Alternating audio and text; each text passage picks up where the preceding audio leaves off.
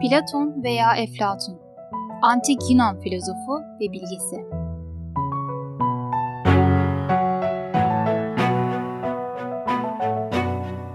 Platon'un hayatı ile ilgili hemen hemen hiç kaynak bulunmamaktadır. Ve hakkındaki pek çok rivayet milattan sonra 3. yüzyılda yani Platon öldükten 500 yıl sonra pek çok filozofun biyografisini yazan Diogenes Laertios'a dayanmaktadır. Diogenes, Platon'un asıl isminin dedesinin adı olan Aristokles olduğunu, Platon'un iyi bir güreşçi olduğunu, geniş anlamına gelen Platon isminin güreş hocasını taktığını, göğsü, omuzları, çenesi ya da alnı geniş olduğu için taktığı bir lakıp olduğunu aktarmaktadır.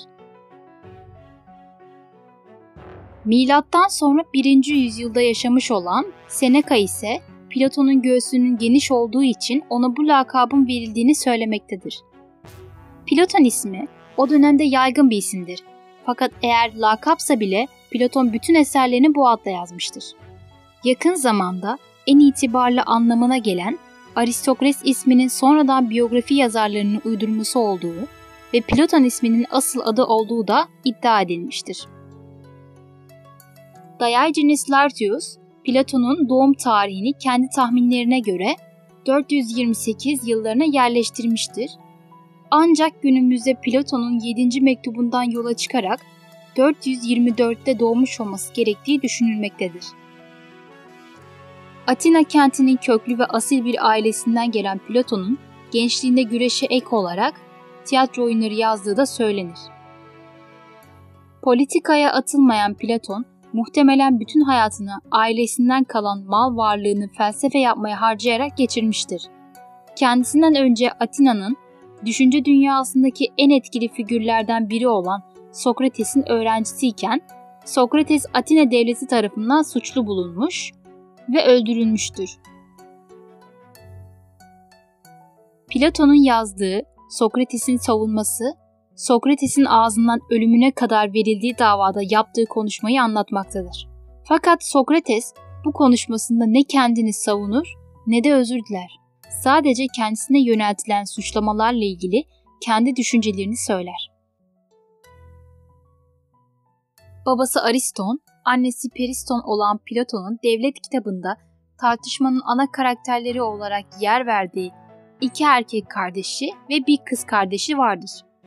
Kız kardeşinin oğlu öldükten sonra akademinin başına geçmiştir. Sokrates'in idama mahkum edilmesi, tarihçiler tarafından Sokrates'in etrafındaki önemli politik figürlere verilen bir tepki olarak da değerlendirilmiştir. Platon'un hayatı hem Atina için hem de bütün antik Yunan medeniyeti için oldukça büyük değişimlerin yaşandığı bir döneme denk gelmiştir. Antik Yunan medeniyeti M.Ö. 5. yüzyılda Ege Denizi'nin iki tarafına, Marmara ve Karadeniz kıyılarına, Sicilya ve Güney İtalya'ya yayılmış, Doğu Akdeniz kıyılarında da oldukça etkili olmaya başlamıştır. Atina ve Sparta bu süreçte ekonomik ve politik güç olarak yükselmişler ve bir süre sonra birbirleriyle M.Ö. 431 404 yılları arasında süren Peloponnes Savaşı'na girmişlerdir. Atina bugün doğrudan demokrasi diyebileceğimiz bir yönteme yakın yönetime katılmada, toplumsal eşitlik ve yasaya bağlı adaletin vurgulandığı bir sistemle kendini yönetirken, Sparta asiller ve köleler arasında katı bir sınıfsal ayrıma dayalı bir oligarşiye sahipti. Savaşın başında oldukça etkili emperyalist bir güç olan Atina kenti, savaşta Sparta'ya yenilmiş, Sparta zoruyla Atina yönetimine 30 tiran getirilmiş. Bu dönemde uygulanan idamlar ve baskılar 8 ay sonra isyanla devrilmelerine ve bu sefer yeni yönetim tarafından 30 tiranın ve yandaşlarının idam edilmesine yol açmıştır. Tarihçiler Sokrates'in de bu dönemde Peloponnes Savaşı'nda Atina için büyük kayıplara neden olan Alkibiades ve 30 tiranda etkili olan Sirtiyaz gibi nefret duyulan figürlerle ilişkileri nedeniyle öldürüldüğünü düşünülmektedir. Dönemin varlıklı ailelerin çocukları gibi Platon da gramer, müzik ve spor eğitimi alarak büyümüş olmalıdır. Ancak o dönemin gramer ve müzik eğitimi günümüzün müzik, şiir, dil bilgisi, edebiyat, tarih gibi konularını sporda beden eğitiminin yanı sıra savaş taliplerini de kapsamaktadır.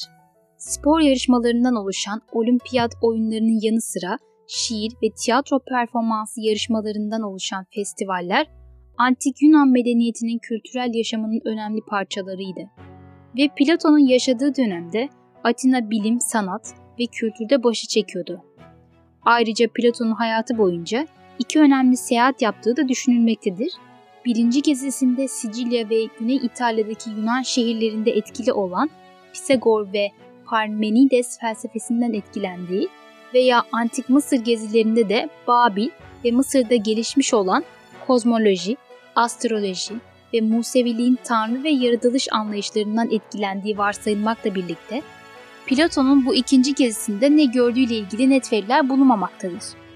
40 yaşında gezilerini tamamlayıp Atina'ya döndüğü söylenen Platon'un eserlerinin tahmini kronolojisine dayanılarak çıkarılan düşüncesindeki gelişmelerin seyahatlerinde gördükleri ve öğrendikleri ile ilgili olduğu düşünülmektedir.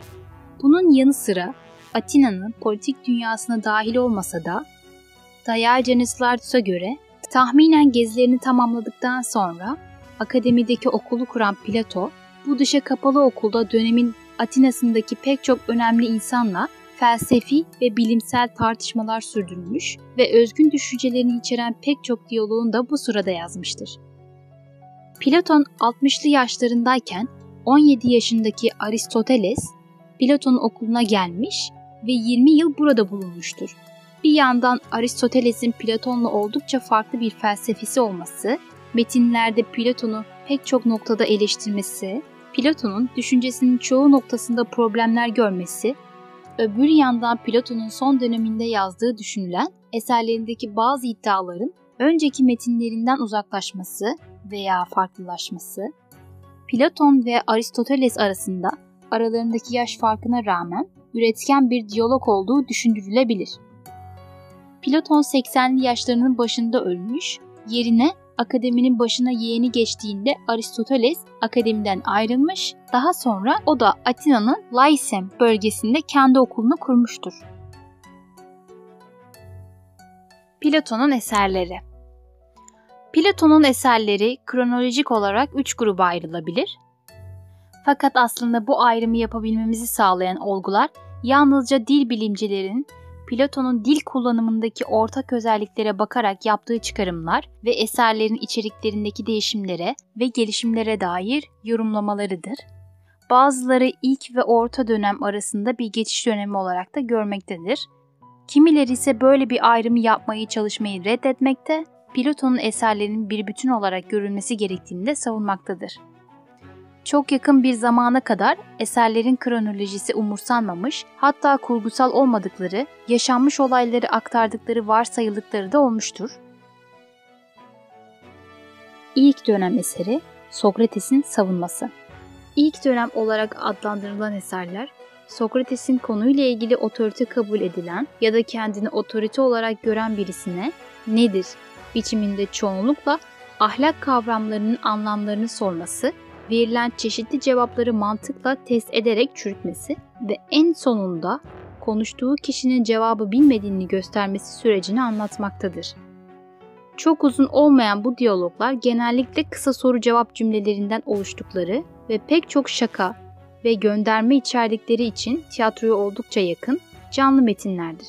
Sadece sorular sorduğunu, pozitif bir iddia bulunmadığını iddia eden Sokrates, kendisinin de bir şey bilmediğini iddia etmekte, bir şey bildiğini iddia eden karşı tarafın iddialarını ise boşa çıkarmaktadır. Bu diyalogların Sokrates'in Atina'da gerçekten yaptığı tartışmalara ve kendi felsefi tutumuna yakın olduğu düşünülmektedir. Bir insana sorular sorarak onun kendiyle çeliştiğini ona söyletme biçimine Sokratik metot denmektedir. Bu diyalogların çoğu sonuçta varılan bir cevabın bulunamadığı, ucu açık bir noktada bittiği için antik Yunanca'da ne diyeceğini bilememe durumu anlamına gelen aporia ile bittiği söylenir.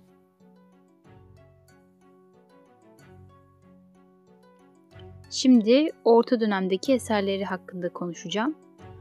Orta dönem olarak ayrılan eserlerin Platon'un idealer teorisini geliştirdikten ve özellikle Pisagor Heraklit ve Parmenides'in düşüncelerini inceledikten sonra yazdığı düşünülmektedir.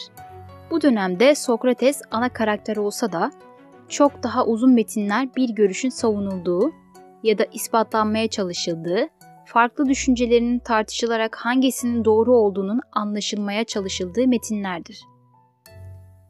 Theaetetus, bilgi nedir sorusuyla başlayıp çeşitli iddiaları inceledikten sonra aporia ile bitse de bu sürede Sokrates pozitif iddialar olarak yorumlanabilecek pek çok argüman vermektedir.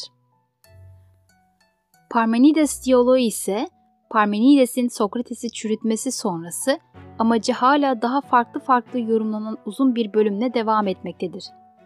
İlk döneme zıt olarak Paydon, devlet ve Parmenides'in asıl düşünceleri çürütülen ya da sorgulanan veya düşüncelerinin ispatlanması beklenen kişi Sokrates karakteridir. Fakat bu dönemdeki eserlerin hiçbirinin gerçek Sokrates'i yansıtmadığı, Platon'un kendi özgür fikirlerini ortaya koyduğu düşünülmektedir. Platon'un en ünlü eserlerinden Devlet, Paydon, Şölen ve Meno bu dönemdedir. Evet, gelelim son döneme. Son dönem eserlerinde ise Platon iyice diyalog formatından uzaklaşmış, her ne kadar karakterler ve bir sahne olsa da ve monoloğa yaklaşan kesintisiz uzun konuşmalardan oluşan oldukça karmaşık argümanlar ve iddialar içeren diyaloglar yazmıştır. Timaeus, Sofist, Devlet Adamı ve Yasalar gibi eserlerin nasıl yorumlanması ve orta dönem eserleriyle ilişkisi bugün hala tartışma konusudur.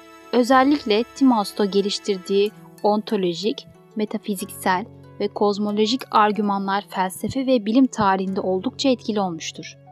Zaten Rönesans'a kadar Avrupa'da Platon'un tek bilinen eseri Timos'tur. Her ne kadar Platon bu son dönem eserlerinde orta dönem eserlerinde ele aldığı konuların çoğunu yeniden ele alarak çok daha gelişmiş teoriler ortaya atsa da günümüzde bu metinler Platon'un orta dönem eserleri kadar popüler değildir. Konuların işlenişi değişse de Platon'un bütün eserlerinde karakterler, olayların geçtiği yer ve zaman, tartışmaların nasıl bir atmosfer içerisinde ilerlediği, karakterlerin nasıl bir atmosfer içerisinde ilerlediği, karakterlerin verdiği tepkiler, argümanların birer parçasıdır. Dolayısıyla Platon'un diyalogları salt felsefi ispatlar sunan metinler olarak değil, edebi sanat olarak okunmalı ve Platon'un felsefesi bu perspektif göz önünde bulundurarak yorumlanmalıdır.